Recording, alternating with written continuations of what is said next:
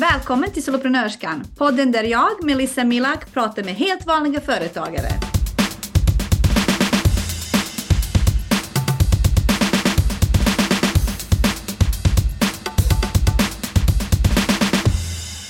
Ikväll tänkte jag att vi skulle prata om utmattning och entreprenörskap. Hur de två går ihop och um, om det är en bra idé att driva eget om man är utmattad. Hur liksom löser man det hela? Så det tänkte jag skulle vara kvällens tema. Men, eh, och jag kommer berätta om, eh, såklart om mig själv. Jag har haft utmattning och lever med det dagligen och har eget företag. Så jag tänkte prata eh, om mig och låta er också ställa frågor om det här. Eh, både hur jag hanterar det eller om ni funderar på hur ni skulle kunna göra. Eh, så att det är kvällens tema. Jag är så glad att så många ville titta på det här, att ni redan, det är så många redan nu. Men också att eh, jag fick så många fina kommentarer, att ni delade med er och berättade och ställde frågor. Jag är jättetacksam för det. Samtidigt är jag jätteledsen att se att vi är så många som har varit med om detta. Att det är så många som har varit sjuka eller är det nu. Eh, av de jag pratar med um, om för, företagande, de som kontaktar mig och som jag pratar här på sociala medier. Alltså jag, jag vågar påstå att 80 procent av, de, av alla kvinnorna som jag pratar med uh, har någon typ av antingen utmattning eller en liknande sjukdom med, med liknande symptom som kämpar här i livet. Uh, och det är så tråkigt att se att samhället är som det är som gjort att kvinnor har det så här tufft.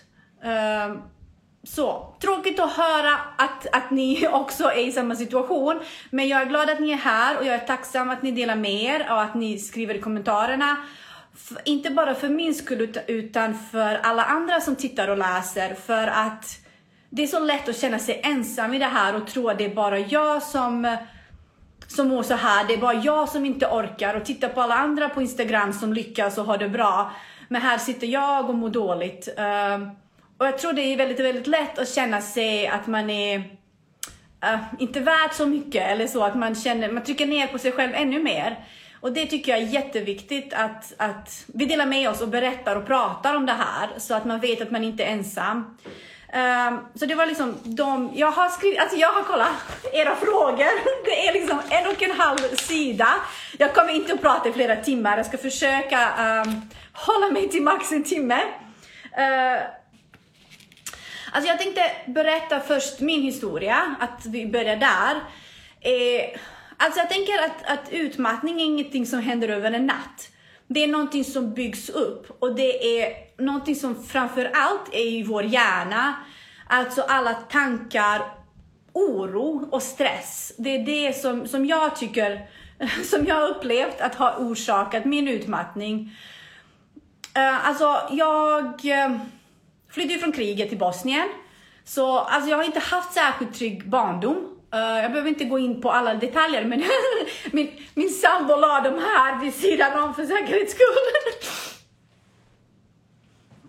det här, alltså det... Jag är ledsen. Jag lovade mig själv att jag inte skulle gråta, men det, det lär hända fler gånger.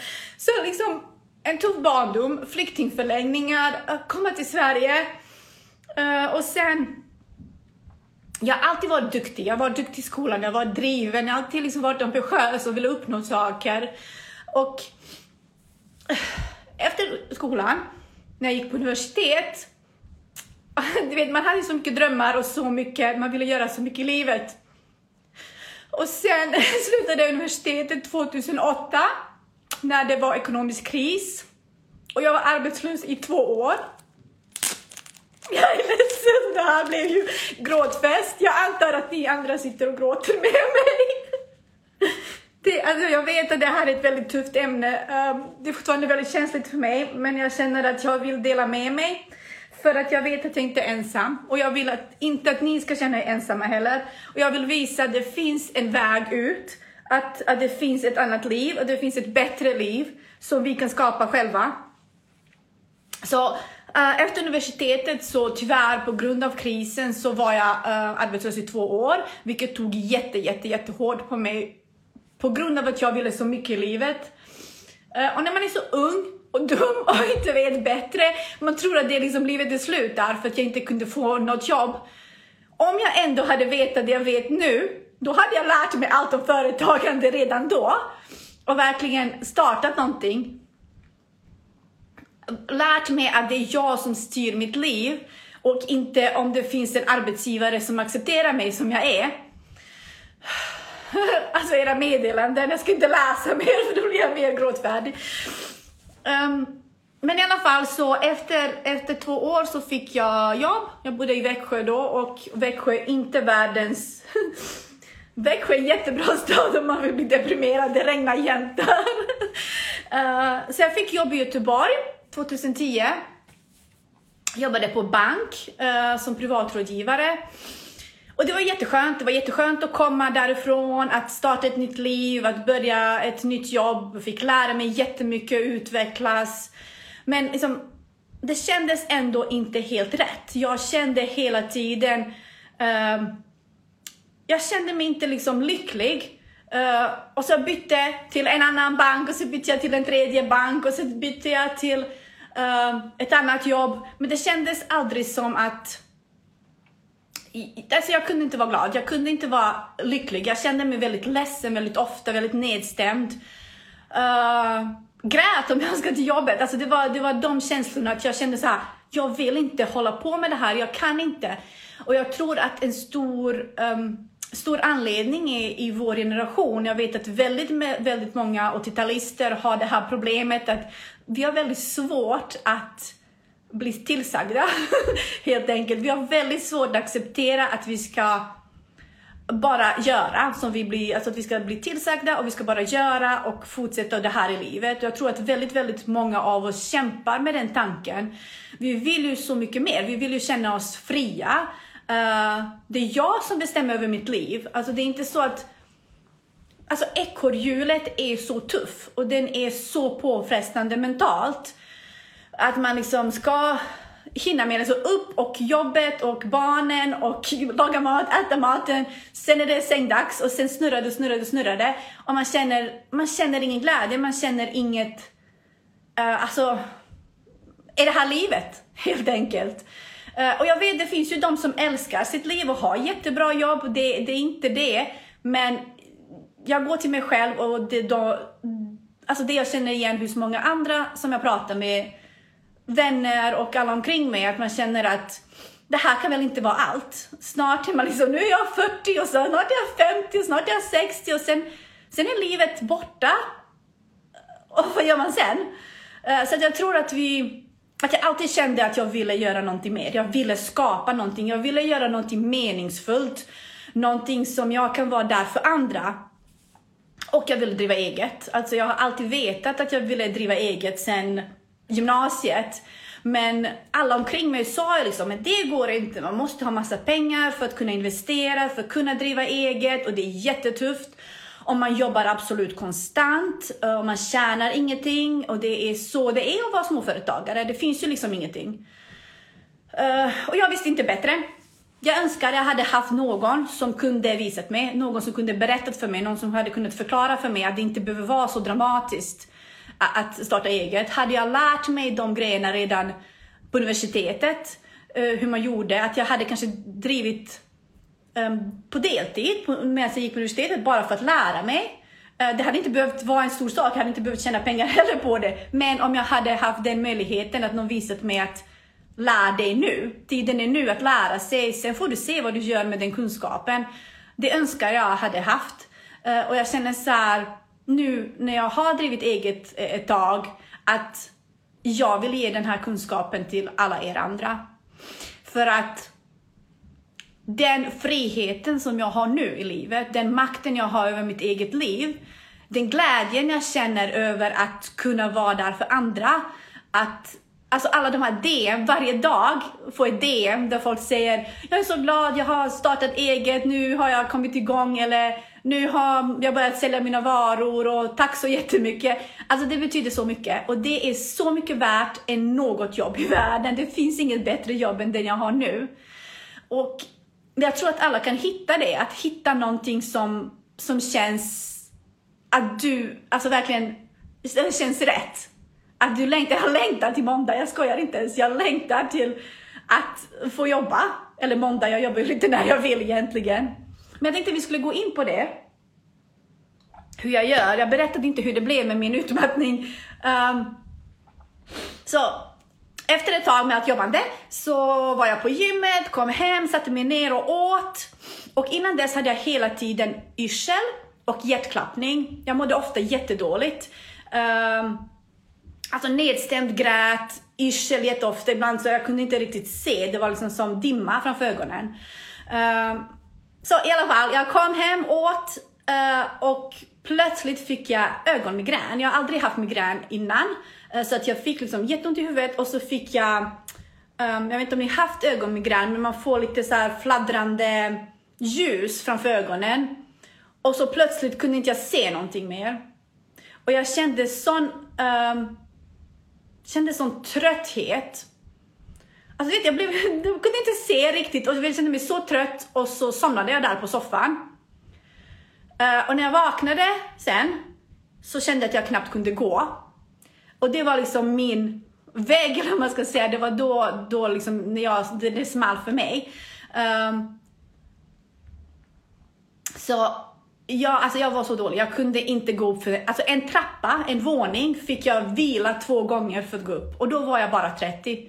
Så att jag insåg att någonting är väldigt, väldigt fel. Uh, tyvärr fick jag jätte, jätte dåligt bemötande med, av sjukvården. Uh, som tur var så hade jag precis blivit av med, med jobbet. Uh, precis innan det här hände. Jag hade, jag hade ett jobb som de ville att jag skulle flytta till Stockholm och då flyttade jag upp dit, eh, bodde sex månader i Stockholm, trivdes inte det minsta. Sorry alla stockholmare, jag är glad om ni gör det, men jag trivdes inte. Det var inte... Um, jag föredrar Göteborg för det är så mycket mer avslappnat. Man bryr sig inte vem som är vem här. Man umgås med alla och, bara njuter av livet. Det är lite mer den känslan i Göteborg som jag trivs med. Men alltså jag trivdes inte i Stockholm och sen um, så stängde det företaget. De um, gick i konkurs. Som tur var för mig och jag fick sparken. Så att jag flyttade tillbaka till Göteborg. Och jag tror också när, när det varit för mycket under en tid och så kunde jag liksom komma hem och slappna av. Och jag tror det gjorde också att, det, att kroppen bara stängde av. Och alltså, jag tänker att, att utmattning är som, att våra hjärnor är som datorer. Och när, det är, när, när den körs på konstant och vi bara oroas, oroas, oroas, ältar, tänker, tänker. Att det bara liksom en dag, det liksom brinner upp. Att man känner så här, den behöver en reboost. Och jag tror det var det som hände för min liksom hjärna. Den stängde av på något sätt. Den behövde liksom starta om. Uh, och så gick det lite trögt i början och som sagt med, med sjukvården, jag gick ju till läkare för att jag insåg att någonting var fel, att jag, liksom, jag kunde ju knappt gå. Jag gick ju som en 90-åring först jag var 30. Uh, eh, och jag fick jättedåligt bemötande. Det var liksom, vad ska du med sjukskrivning till? Du är ju arbetslös. Men jag är inte här för att få sjukskrivning, jag är här för att få hjälp. Jag vet inte vad som är fel på mig. Så det var liksom den typen, läkare efter läkare. Uh, jag fick absolut ingen hjälp. Och en, ehm, alltså, de skulle ta blod, blodprov, för det är det som visar allt här i livet. Så att jag, ehm, sköterskan som tog blodprov sa till mig, du måste ta hand om dig själv. Alltså hon, alltså hon hjälpte mig. Det finns någonting som heter hälsodisken här på Hisingen i Göteborg. Uh, gå dit för de är specialiserade på utmattning. Och alltså ni som tittar i Göteborg, Eh, hälsodisken kolla upp det. Så jag fick möjlighet att träffa en psykolog, eller kurator tror jag hon var, som jobbat med utmattning i 20 år, alltså någon som var riktigt duktig, som kunde förklara för mig allting. För jag är väldigt, um, ni har märkt det, väldigt faktabaserad. Hos mig är det inget flum och inget så, utan jag vill förstå vad är det som händer, för att jag var rädd. Så att hon förklarade precis allting, hur det funkar och vad jag kan göra för att jag ska bli bättre. Uh, och duktiga flickan, jag gjorde allting rätt för att jag skulle bli bättre. Uh, men det hjälpte mig väldigt, väldigt mycket att uh, jag fick lära mig att man måste helt enkelt, att man måste bara skita i allt och ta hand om sig själv. Det är det enda som verkligen löser det här, att man fokuserar på sig själv, tar hand om sig själv. um, vilar, tränar, alltså inte, inte bara för att trä, inte träna hårt, för att när jag, när jag blev sjuk, alltså höjdpunkten på min dag var att gå ut och gå runt huset och komma in, för det var det jag orkade, men ändå att jag liksom gjorde det.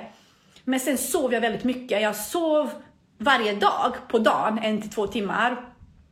Ehm, det gör jag fortfarande, jag kan säga när jag känner tröttheten när den kommer, när det är för mycket, så jag går och lägger mig en timme mitt på dagen och tycker det är, oh om man kan ha möjlighet, så är det helt okej okay att man liksom lyssnar på kroppen. Uh, så att jag, som tur var, som sagt, jag var arbetslös och jag kunde ta det här. Jag hade ingen man och inga barn och bodde själv och kunde verkligen ta hand om mig själv. Och det var min absoluta räddning. Uh, och det tog mig ett år ungefär att, att bli bättre. Och efter det kände jag, det här kan inte vara livet jag vill starta eget så nu går jag och gör det. um, och eftersom jag är arbetslös var jag tvungen att ha kontakt med Arbetsförmedlingen. Och min handläggare frågade ja, så här, om jobb, vad jag ska söka och sa jag, men jag vill starta eget. Och då sa hon, ja men det är jättebra, man kan få starta eget bidrag om man skriver affärsplan. Uh, och så gjorde jag det. Jag fixade, skrev en skitbra affärsplan som alla tyckte var så bra.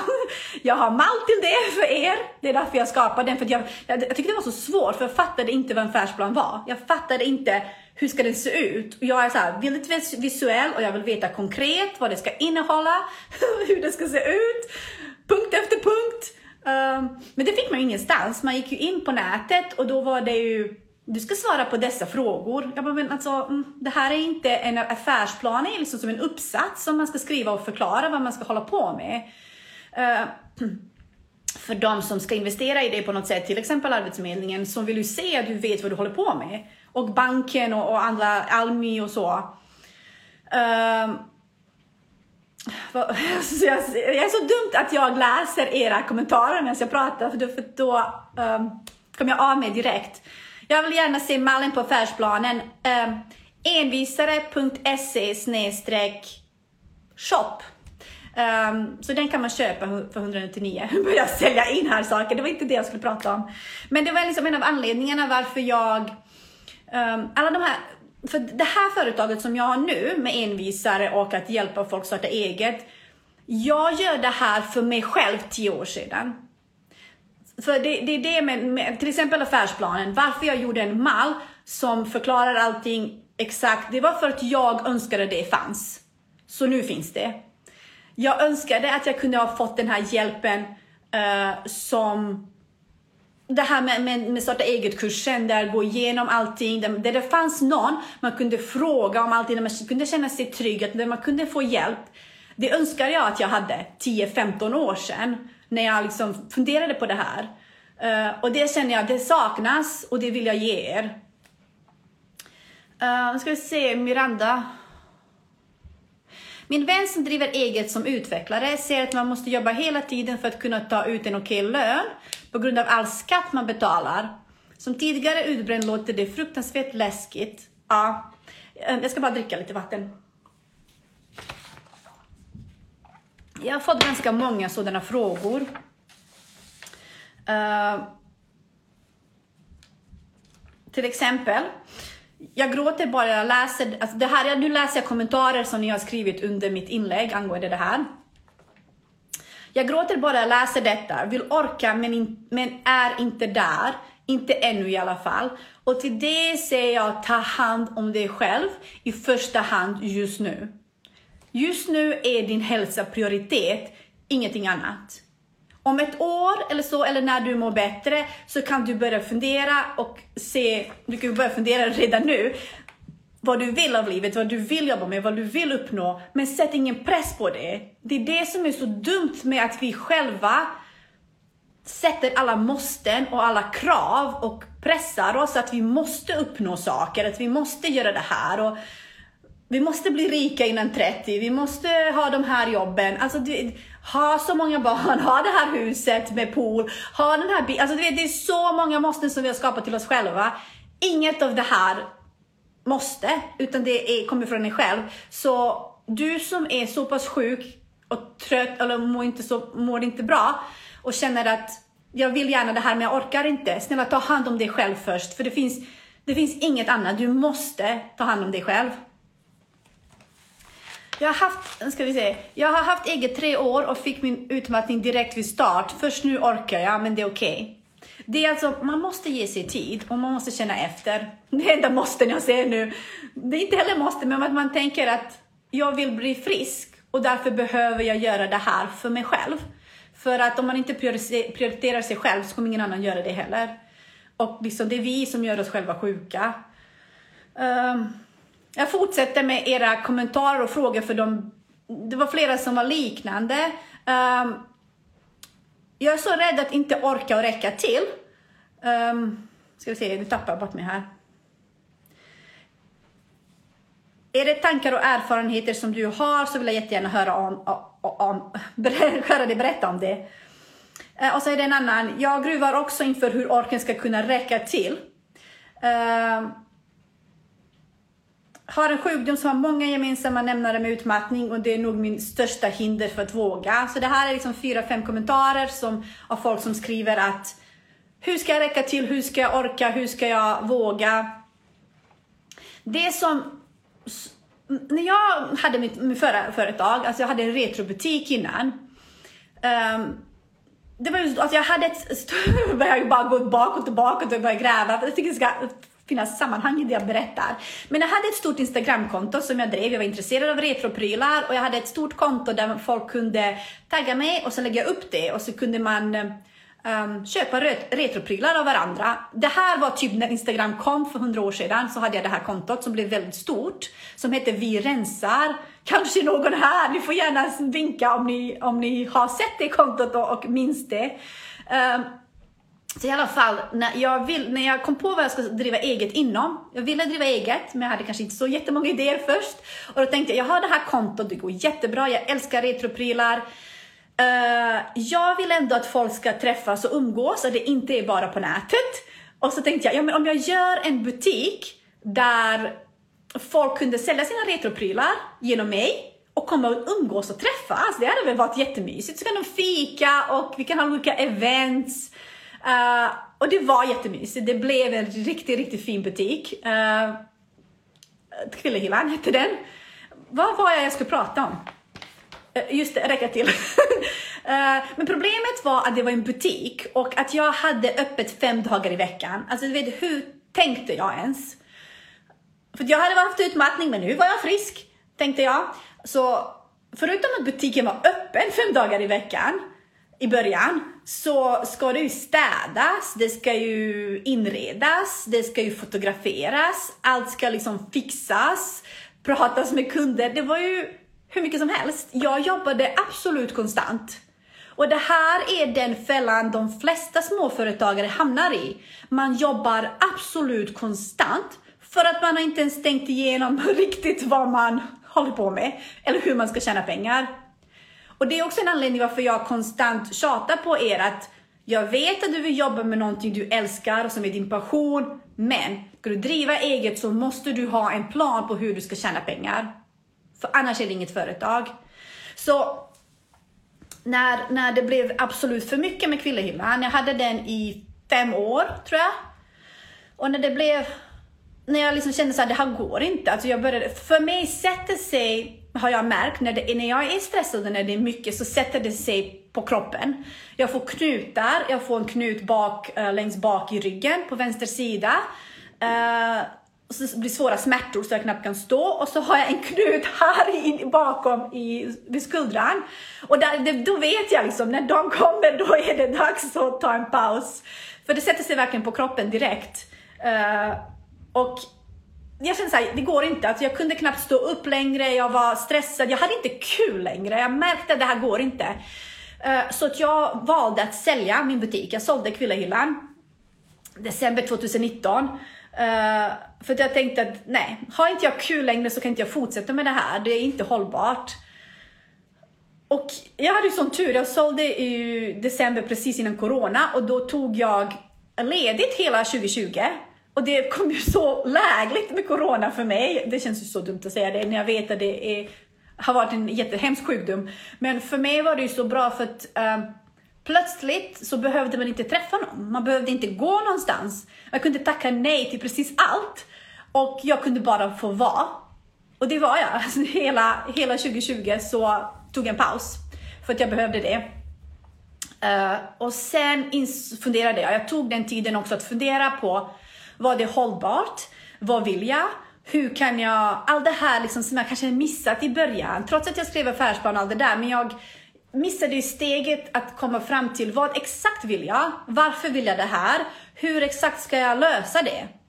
Uh, och, och, det är också en anledning varför jag har lagt in det här i kursen. I, i modul 2 så går vi igenom ordentligt alla dina tankar och planer och varför och hur och vad vill du? Um, jag tycker det var en viktig, viktig grej att ha i kursen för att som sagt, de flesta jag pratar med har gått igenom en utmattning och vill få ha eget för att kunna vara fria och ha mer tid. Eh, så det tyckte jag var jätteviktigt och det var det jag gick igenom själv under 2020 och kom fram till att eh, jag vill ha mer tid jag vill vara mycket mer eh, friare, så att jag vill inte ha en butik längre där jag är bunden fysiskt, att jag måste närvara. Utan då kände jag, nej men jag vill jobba online på något sätt. Där jag kan jobba lite när jag vill, hur jag vill, hur mycket jag orkar. Uh, och så såklart, alltså tänka igenom vad är min passion, vad är mitt driv, vad är det jag älskar att göra? Jag älskar fortfarande företagande. Det, är, det har jag alltid gjort. Jag har alltid fascinerats av den tanken att skapa någonting från ingenting. Att, att göra något så. Uh, och samtidigt brinna väldigt mycket för att vara där för andra, att göra skillnad. Um, samtidigt som jag drev Kvillehyllan så drev jag ihop med två kompisar en välgörenhetsorganisation där vi hjälpte folk i Bosnien. Uh, vi köpte bland annat skolböcker varje år till 350 barn. Uh, för att i Bosnien måste man betala för skolböckerna. Jag betalar allt från, från penna till, till, till alltså kursmaterial. Uh, och det är ju svårt för de flesta föräldrar. Har man, är man socialt utsatt så har man inte råd. Så det, det är en organisation som jag drev för att jag eh, brinner för det också. Då kände jag så här, hur kan jag vara där för andra och ha det som en del av mitt företag eh, och göra alltså någonting som jag älskar. Och så föddes det här, envisare. Um, ehm, men jag tänkte jag fortsätter, så, så det, var ju där, det var så jag planerade. Så att jag liksom tänkte efter, vad vill jag? Hur gör jag? Vad vill jag uppnå? Hur mycket tid vill jag ha ledigt? Hur många timmar vill jag jobba? Hur mycket vill jag ha i paus? Alltså vet, allt sånt. Det första jag gjorde 2021 och var att planera hela året. Och jag menar inte att man ska planera året helt i detalj. Eh, vill du läsa om det så har jag det i bloggen, envisare.se blogg. Eh, så finns det blogginlägg om hur jag planerade hela året. Och det första jag gjorde var att planera semester. Semester, semester i juli, hela juli. Och så lite helger och sen planera in lite roliga saker. Det var liksom det första jag gjorde. Uh, Okej, okay, så jag tänkte så här, jag kan planera jobb runt pauserna, runt all semester. Istället för att ta det, det sista, för det är det som många småföretagare gör, är att man startar eget utan riktig plan. Och så kämpar man och sen vet man inte hur man ska få tag i kunder och man vet inte hur någonting funkar och sen kämpar man, kämpar och jobbar och jagar, eh, upp, alltså jagar jobb. Och så glömmer man bort sig själv. Man glömmer bort att ta en paus, man glömmer bort att ta en semester. Man kan inte ens ta en semester för man har inte råd med det. Eh, så det är det som väldigt, väldigt många småföretagare hamnar i. Eh, och det är det jag också vill hela tiden lära ut, att det behöver inte vara så. Du behöver inte ha det så om du från början planerar rätt, om du eh, alltså planerar utifrån dina egna behov och önskemål. Och sen, okej, okay, så många timmar har jag kvar som jag kommer att kunna jobba. Vad är det jag säljer? Kan jag tjäna så pass mycket på så lite jobb? Hur kan jag tjäna mer? Uh, har jag rätt priser? Kan jag höja priserna? Kan jag sälja någonting annat som är mer passivt? För det tycker jag är en jätteviktig mm, grej som man skulle kunna ha med att istället för att behöva vara där konstant, som till exempel i min butik då, att man kanske har saker som folk kan ladda ner där du ändå liksom som är en passiv inkomst som du har skapat som folk kan köpa utan att du måste jobba hela tiden. Så passiva inkomster, olika, olika inkomstkällor tycker jag är superviktigt att ha i ett företag. Men jag tänkte nu har pratat här i 30 minuter utan att ha tagit era frågor. Eh, nu ska jag se, jag går vidare. Um, det här med att orka inte, orka inte räcka till, precis.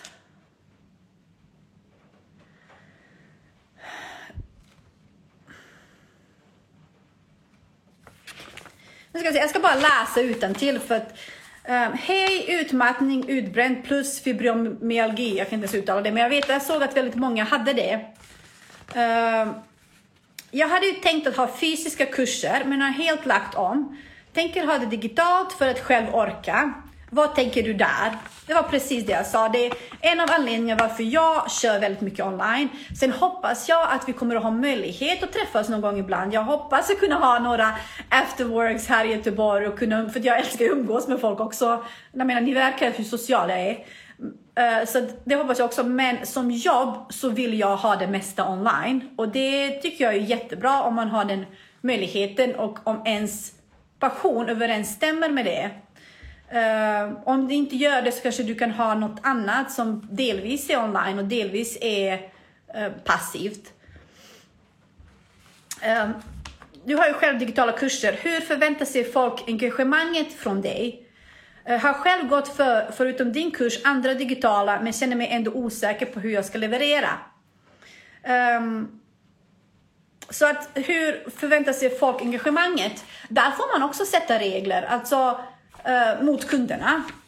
Ni märker ju, eller jag tror att ni upplever att jag är väldigt mycket tillgänglig. Jag, är, jag svarar ju på DMs och, och i DM, eh, kommentarer menar jag, och DM. Eh, så jag är väldigt online, men jag är en väldigt, väldigt social person. Det är någonting jag gillar att göra, det är någonting jag, jag får energi av och blir glad av, att prata med er och umgås. Uh, och, men jag tror att man måste sätta regler direkt. Så till exempel i min kurs, så har jag att man, eh, man får coaching medan man går kursen. Så att jag är live var en timme varje vecka.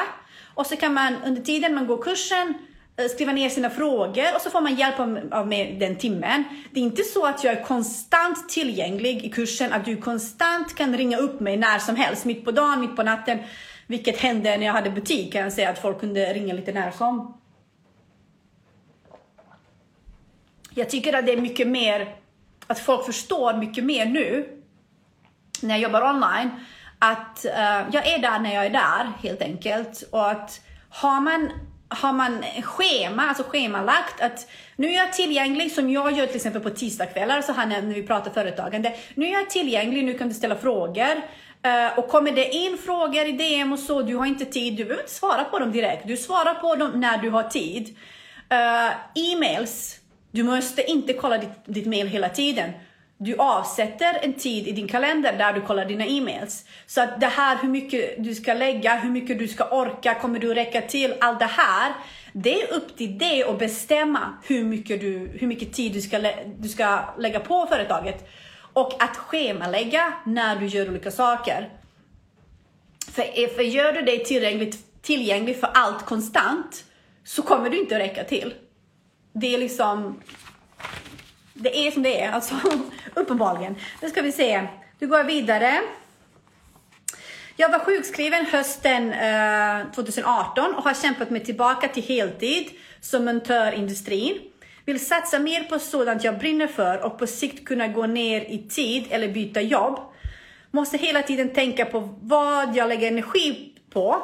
Små steg mot drömmen. Uh, jag tänker också det här att man, man blir sjuk. I, oftast är det ju vanligt att man har ett jobb där man inte trivs eller där det är jättehög arbetsbelastning, att man känner att man inte orkar. Eh, och det blir bara värre och man mår sämre och man tycker om jobbet sämre och sämre. Och så blir man sjuk och sjukskriven. Uh, och sen får man liksom, om har man tur och får en sjukskrivning och kan ta hand om sig själv och bli bättre, så ska man tillbaks till det jobbet där man blev sjuk. Så det blir liksom, det är så många som blir sjuka om och om igen. Och det är där man måste, jag vet att det här är svårt. Jag vet att man måste försörja sig. Jag vet att man måste ge mat till barnen. Jag förstår det. Men någonstans måste man hitta, vad är det som, som gör att jag blir sjuk? Vad kan jag göra så att jag mår bättre? För att man kan inte leva så. Alltså det blir ju inget liv. Um, vad ska jag säga, vad var frågan här? om vi byta, går ner i tid eller byta jobb. Och det, jag tror det är det som är så viktigt att är det ett jobb som gör dig sjuk så det, alltså, du måste inte säga upp dig på en gång. Det är det som jag tror många, många är så rädda för att jag har ett jobb som ger mig trygghet och om jag ska starta eget då måste jag säga upp mig och, och, börja jobba på det heltid för att jag ska kunna ha lön. För att det, är, det behövs lite tid att bygga upp ett företag. Jag ska inte liksom ljuga här att du kommer tjäna massor första dagen. Troligen kommer inte du tjäna så särskilt mycket första halvåret, kanske även året beroende på vad det är för företag du har. Så du kommer att behöva tid att bygga upp det. Men alltså jag tänker också, om du har ett jobb som ger dig trygghet men du inte trivs på så kan du söka andra jobb vid sidan om utan att behöva berätta det för din arbetsgivare.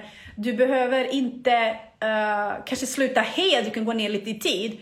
Du kan också börja fundera på det här med eget, planera, kanske skriva lite affärsplan, kanske fundera på de här frågorna, hur du skulle vilja att ditt liv ser ut. Eh, du kan göra mycket av det här medan du är på det här jobbet och tänker, okej, okay, nu gör jag det här för att jag måste. Uh, men här är min plan, hur jag ska gå vidare. Så det behöver inte vara en... Uh, det behöver inte vara att man går direkt, att man liksom, du måste sluta, du måste kämpa. Och det blir, så, det, det blir lätt att det blir jobbigt. Att om du känner att du slutar och du har inga pengar och du måste bygga upp det här företaget jättesnabbt för att det ska löna sig. Det är så viktigt att ha en plan. Nu ska vi se vidare. Jag tänker på den berömda balansen när du jobbar med alla roller själv. Eh, hur våga outsourca mer? Eh, hur kan jag hitta en jobbpartner eller kompanjon som drivs av liknande frågor som mig? Någon som, kan dela, som man kan dela tjänst med. Och det här är jätte, jättebra tips, egentligen jättebra fråga. Eh, när, man, när man som jag också tjatar om, anledningen att så många eh, småföretagare jobbar konstant är för att de har 20 tjänster. Det är, väl, det är väl klart du jobbar konstant om du är 20 anställda.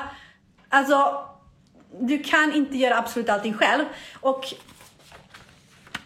man, man, får göra väldigt mycket själv, det är inte det. Men till exempel så här, man, man ska starta och sen behöver man kanske en hemsida. Och då går man och lär sig allt som finns att lära sig om Wordpress, som är skitjobbigt och skitsvårt. Och det tar ju liksom en evighet att behöva lära sig det. Som, alltså tid som du slösar, som du hade kunnat göra det du är bra på, det du älskar att göra, det du kan tjäna pengar på. Så det, det är en jätteviktig grej i starten att, att fundera på vad är jag bra på, vad är jag inte bra på, vad vill jag inte lära mig, vad kommer att ta tid? För väldigt många som jag pratar med är tycker det är så kul och spännande att lära sig nytt. Och du kommer aldrig driva ditt företag om du hela tiden ska lära dig nya, nya yrken. Det tar ju flera år att bli riktigt bra på ett yrke. Uh, jag tror jag läste någonstans att man måste lägga minst tusen timmar för att bli liksom bra på någonting. Om du ska lägga tusen timmar på varenda grej som behöver göras i företaget, då, då blir liksom ingenting gjort. Uh, så jag tänker, jag till exempel, jag har absolut inget intresse av att göra hemsidor så att jag tar hjälp med det. Så jag får se hur mycket kostar det, hur mycket måste jag dra in för att det ska löna sig. Och så märker jag kanske istället för att jag hade lagt tre månader av gråtande och ångest och mått skit för att göra den här hemsidan som kanske inte ens blir bra. Tänk om jag bara betalar någon som gör den på en vecka och den ser skitbra ut. Och under den tiden så gör jag det jag är skitbra på, gör andra glada, hjälper andra vidare och tjänar på det. Så det, det är det som är så viktigt att fokusera på det du är bra på, outsourca sånt som du inte är bra på. Uh, vad hinner du med, vad hinner du inte med? Förra lanseringen tog jag absolut för mycket på mig. När jag sålde kursen för första gången. Jag insåg inte hur mycket jobb det var. Det är så mycket mer jobb än man kan tänka sig. Uh, och är man ny på någonting så kanske man inte inser hur mycket jobb det är. Uh, och då var det ju väldigt mycket tekniskt som jag, och jag hatar teknik, jag får direkt ångest och börjar gråta när det är ny teknik. Jag vet inte varför, men det är alltså verkligen ja, så anti. Så då hoppar min sambo in och hjälper till för att han, så fort det är något tekniskt så vet han att nu kommer hon bryta ihop, så han tar och gör det. Så det, hjälp, det fick jag hjälp med då gratis av honom. Men det var till exempel man skulle koppla ihop um, andra grejer i Kajabi som jag använder för, för kurser. Och då ska det läggas in mail som går ut automatiskt och så. Och då betalade en tjej som jobbar som virtuell assistent Uh, jag tror jag betalade henne fem timmar och hjälpa mig med allt som skulle kopplas ihop och allt, allt det där som jag inte hade koll på och jag hade inte tid med för att jag satt och gjorde det där webbinariet jag skulle göra då. Uh, så att hela tiden så, vad kan jag göra?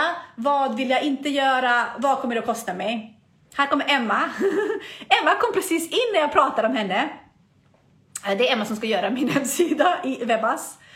Eh, ja, det var väl det. Jag tänkte, hur hittar man folk som man kan... Och det här med varför jag tycker också så jätte, jättebra idé att ha koll på dina uh, konkurrenter. Uh, det, är också, det finns också i kursen att man liksom tar reda på vem, vilka konkurrenterna och så. Uh, detektivarbete. Jättekul ni som kommer att göra det här. Uh, och varför det är så viktigt att, att se vilka som är konkurrenter, bland annat, är just för att se vem kan jag samarbeta med? Man behöver inte se folk allting som att man liksom slåss mot dem, utan okej, okay, vi gör liknande sak. Hur kan vi hjälpas åt? Eller någon som gör någonting som inte är exakt samma, men liknar. Så hur kan vi liksom hjälpas åt? Att till exempel så här, Emma som jobbar med, med kurserna, eller kurserna, vad säger jag? Hemsidor alla som går min kurs, då tänkte jag, ja men Emma kan väl visa dem hur man gör en hemsida och visa lite i, i, i sin plattform, webba, som hon har byggt. Uh, så att då kan man liksom, då kan jag och Emma samarbeta fast vi inte är konkurrenter, men vi kan hjälpas åt på något sätt så att man känner så här, vad är jag inte bra på? Jag vill kunna erbjuda mina elever den möjligheten att lära sig lite om uh, ja, hur man gör en hemsida, hur man kan göra. Men uh, jag kan inte lära ut det, så jag tar hjälp av någon som kan och så liksom hjälps vi åt allihopa. Så det tycker jag är jättebra att man funderar på. Vad saknar jag? Kan jag betala någon för att göra det eller kan vi göra någon typ av samarbete? Um, branschkollegor kallar jag det. Hittat massor i din grupp. Ser dem inte som konkurrenter. Ja, precis Emma. Um, gruppen Emma, äh, Emma nämner är Soloprenörskan som finns på Facebook. Det är en uh, grupp för kvinnor som driver eller vill driva eget företag.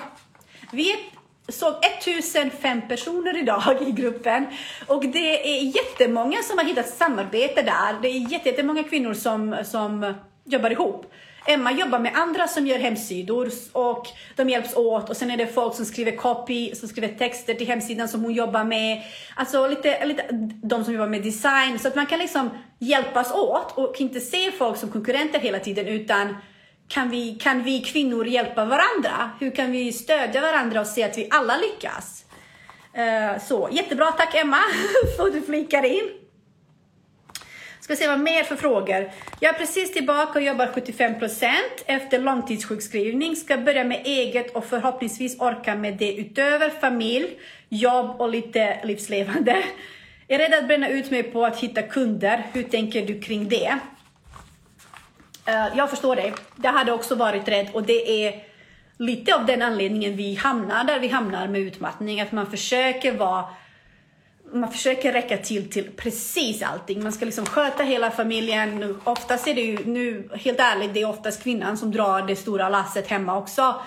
Uh, som tar hand om barnen, som fixar och ordnar och, uh, och sen är det jobbet och sen har man ju lite sina egna drömmar. Man vill ju liksom, och sen behöver man en paus ibland. Så det är tufft. Uh, men jag tänker det är därför jag hela tiden säger, när du ska starta eget, börja först med att fundera på vad du vill. Fundera på hur du vill att det ska bli hur du vill göra och när du har, det så, har, så går du vidare med att det här med kunder, det är en stor fråga som kommer att täcka halva kursen. Men att man måste förstå och förresten, eh, på tal om kursen, webbinariet jag kommer att prata om, kommer jag berätta väldigt mycket om hur man kan lägga upp vad som är viktigt i ett företag. Att, att liksom vad, de olika bitarna, vilka olika bitar måste du förstå uh, hur de hänger ihop och vad måste du fokusera på för att företag ska bli lyckat utan att du slösar massa tid på oväsentligheter. Så det kommer jag ta upp i webbinariet uh, nästa vecka. Så har du inte skrivit upp det så gå med. Uh, och det, jag kommer bland annat prata om det här att du måste ha koll på vad det är du säljer, du måste ha koll på vem kunden är, du måste ha koll på hur du ska nå kunden och hur den ska hitta dig. Eh, när du har den kunskapen och en klar plan och en affärsplan uh, kring det här så slipper du jaga kunder. Och det är det som jag tycker är så, så viktigt och det är därför jag har kursen för att så att man ska slippa vara den här småföretagaren som konstant letar kunder. Utan tänk att det skulle vara så skönt att kunder faktiskt hittar dig och att du har liksom en plan med allting så blir det inte den här jakten och stressen, alltså konstanta oron som kommer att leda dig kanske till en ny utmattning. Mina tankar kring det. Uh, ska vi se. Jag ska bara ta lite, pa lite, mer, lite paus. Har ni frågor förresten? Nu har jag verkligen pratat jättelänge.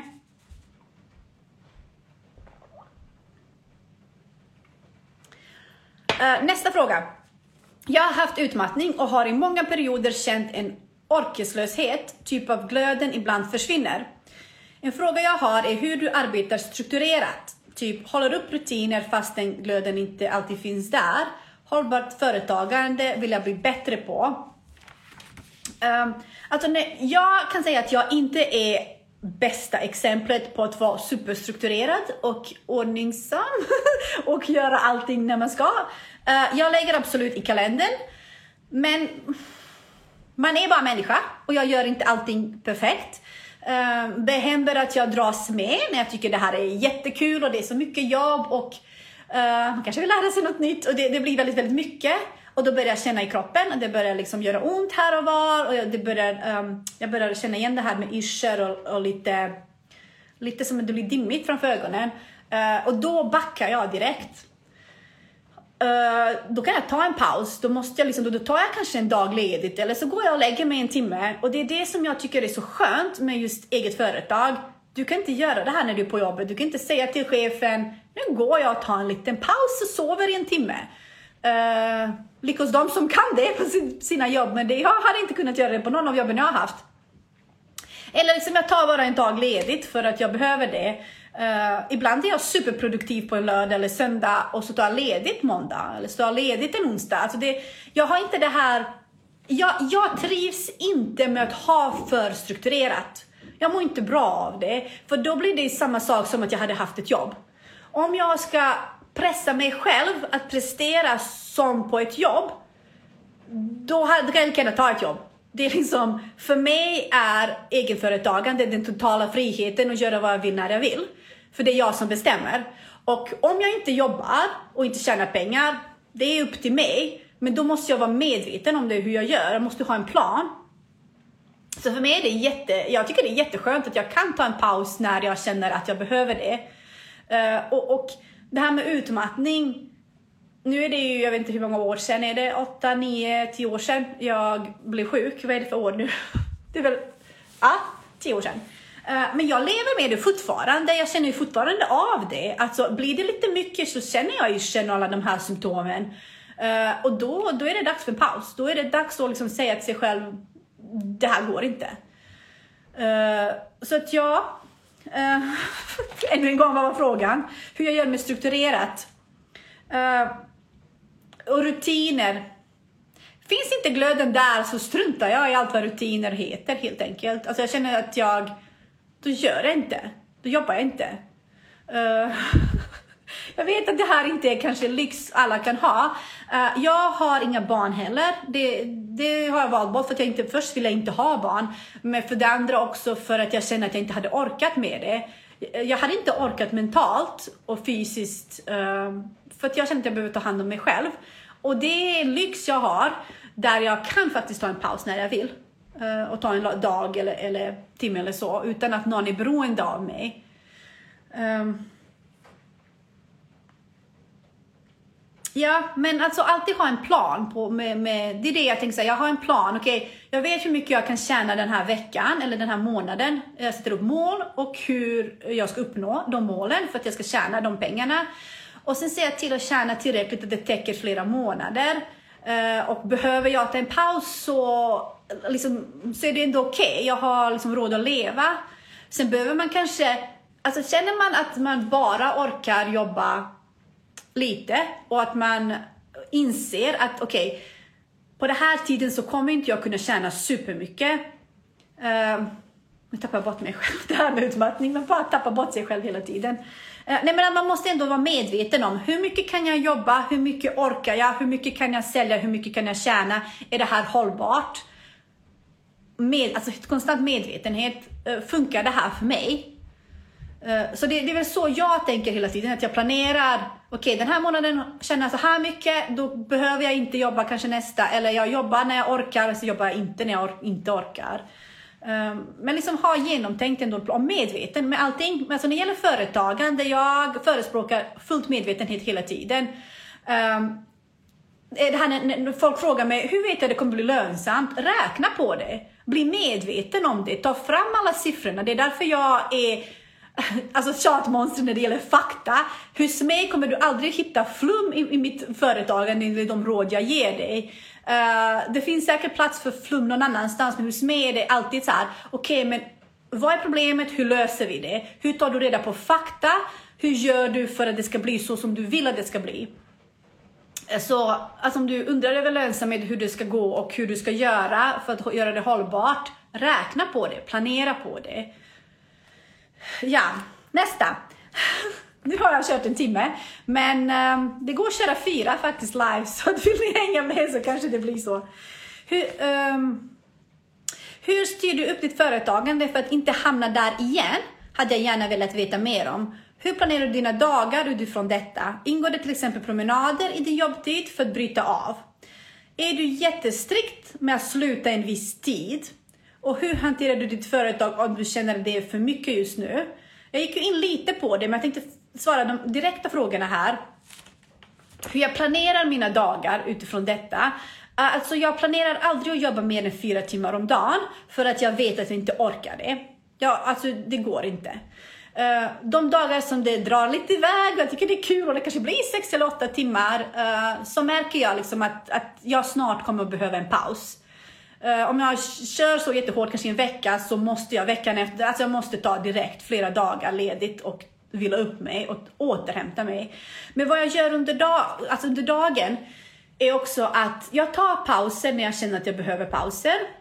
Uh, ehm, min sambo jobbar hemifrån och han är väldigt duktig på att ta pauser så han brukar också komma med ett glas vatten och säga gå och ta en fem minuters meditation. Så det är jag jättetacksam för att det, kom, det finns någon där som eh, kan ändå påminna mig. Och har du inte det, sätt en klocka eller lägg upp, skriv upp i schemat. Om du jobbat en timme så ska du ta 10 minuter paus. Och då, en paus är inte att titta på mobilen. Hör du mig? En paus är inte att titta på mobilen. och det är inte att titta på TV. En paus är att verkligen bara vara. Alltså lägg dig på golvet och stirra i taket i fem minuter. Det, det kommer hjälpa dig. Uh, jag promenerar varje dag en timme. Eh, så det gör jag. Jag bor precis vid skogen som är superbra. Det är också en plan. Jag ville bo här för, i det här, just det här området. Göteborg kände jag till. Och jag eh, äh, väntade i nio år att få poäng att kunna bo här. Så jag bor väldigt, ganska centralt men ändå vid skogen. Eh, så jag går ut varje dag och tar en promenad och jag tycker att att vistas i naturen hjälper mig jättemycket. Att röra på mig. Så en, en skogspromenad gör att jag alltid, alltid mår bättre. Det känner jag när det är absolut för mycket, när det, när det börjar kännas frustrerande och man blir trött på sig själv och man blir ledsen på sig själv och arg på sig själv.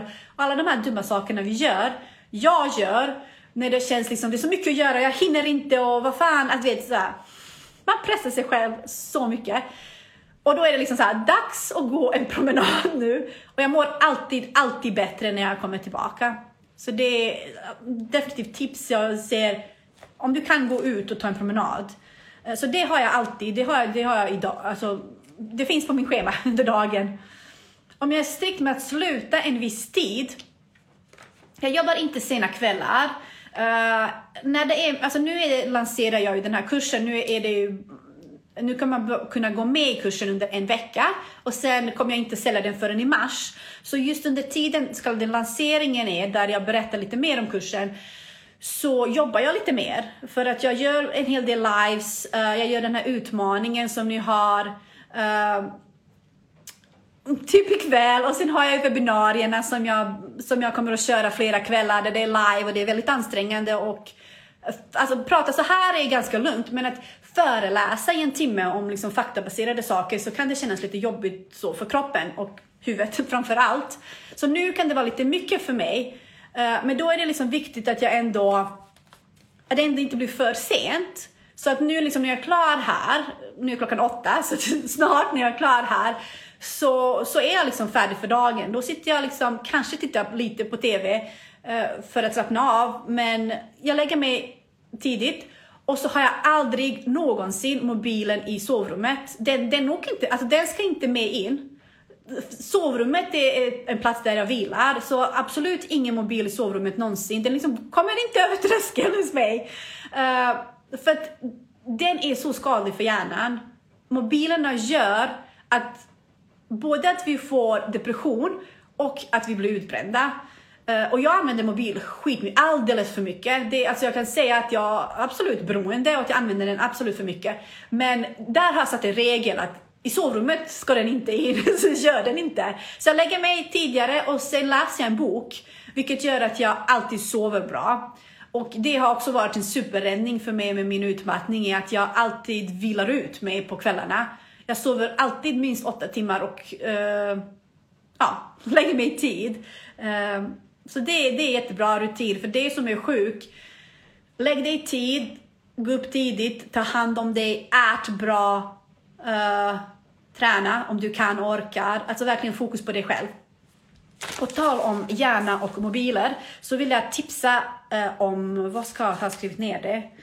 Just det, två böcker som jag tycker är absolut skitbra.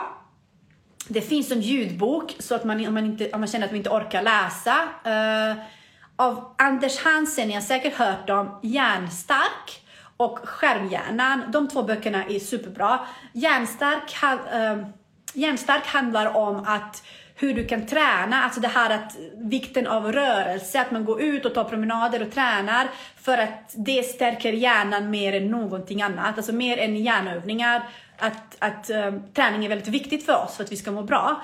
Och hans andra bok som heter Skärmhjärnan, uh, han förklarar det här hur mobilerna påverkar vår hjärna och hur när mobilerna kom Eh, så märkte man ett jättehopp i ehm, att väldigt många blev sjuka i depression när, när mobilerna kom. Av, jag vet inte hur det funkar, ni får läsa i boken, men han är både läkare och psykolog och har skrivit de här, verkligen tips. Eh, lyssna eller läs. Hjärn, eh, hjärnstark och stjärnhjärnan. Så de vill jag verkligen att ni får med er, eller så. får det tipset med er. Um, ehm, sista, sista frågan jag hade fått av er jag tycker om att vara anställd. Det känns tryggt. Jag då och då blir sjukskriven längre perioder. Hur tar man med det i planeringen för företaget? När det finns en vetskap om att kroppen ibland lägger ner så att jag kan helt enkelt inte jobba på flera veckor. Hur driver man ett eget företag då? Eller hur tar man hänsyn till det i företagandet? Och jag tänker så här, det är precis vad jag har pratat om, hur det funkar för mig. Alltså, bara tanken av att behöva ta ett jobb gör att jag får panik direkt. Alltså det är så här, jag, jag vill bara gråta nu. För att jag tycker det är, alltså den tanken att jag måste gå någonstans och att någon ska bestämma åt mig vad jag ska göra, att jag måste sitta vid den där datorn och stirra i den i åtta timmar och göra saker som tar död på min själ och alltså, min lust att leva jag vill inte det. Alltså jag vill bara inte så att jag löser det. Jag hittar ett sätt att lösa det. Och för mig är sättet att driva eget och just att driva eget medvetet. Och det som är bra också med, med som jag sa med mitt företag, är att jag, jag lämnar luckor, jag lämnar plats åt, åt pauser. Det kan man inte göra i, i, när man är anställd. Du kan inte liksom bara jobba hur, mycket du vill den dagen, hur mycket du orkar, komma till jobbet när du vill, gå från jobbet när du vill. Uh, kanske jobba åtta timmar idag, kanske jobba bara två imorgon. Det kan inte du i en anställning. Det kan du göra när du har eget. Om du har planerat för detta, om du har räknat på det, om du liksom har bestämt att du ska ha det så. Så att alltså, den friheten som företagande ger mig, det finns ingen anställning i världen som skulle ha gett mig det här. Därför driver jag eget uh, och kommer fortsätta med det för resten av mitt liv. Jag kommer, jag vågar säga att jag kommer aldrig att ta en anställning. Uh, vad bra att ni tycker det var, det var bra. Uh, tack snälla för kommentarerna.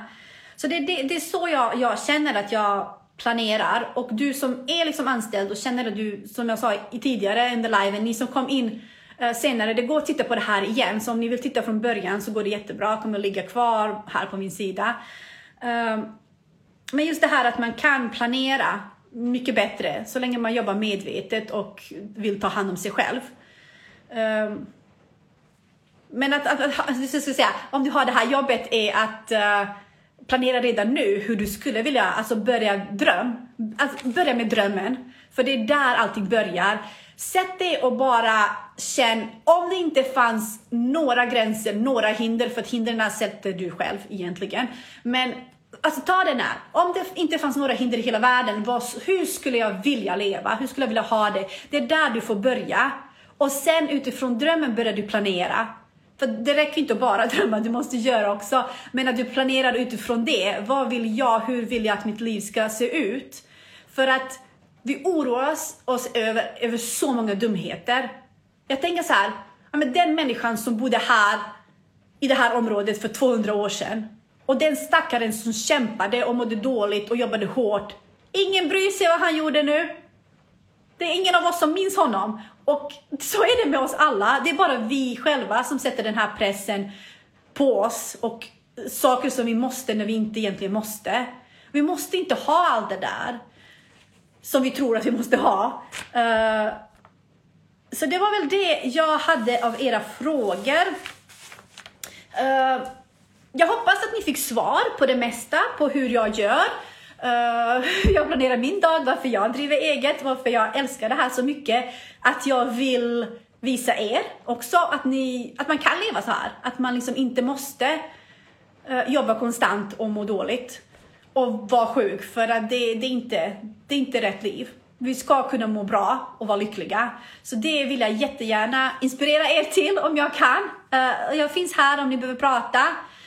Tack snälla alla som har tittat. Uh, tack för att ni delat med er och ställt frågor och berättat. Uh, jag är tacksam att ha er här. Jag är tacksam att ni följer med och är med mig och att vi kan prata så mycket och så ofta. Uh, så tack för ikväll och anmäl er till webbinariet om ni inte har gjort det. Är det något jag har sagt här som ni eh, missat eller som ni skulle vilja veta mer om, något som jag nämnt men inte hittat, till exempel webbinariet eller äh, affärsplanen eller, eller vad boken nu hette, skicka mig bara DM så, så hjälper jag er.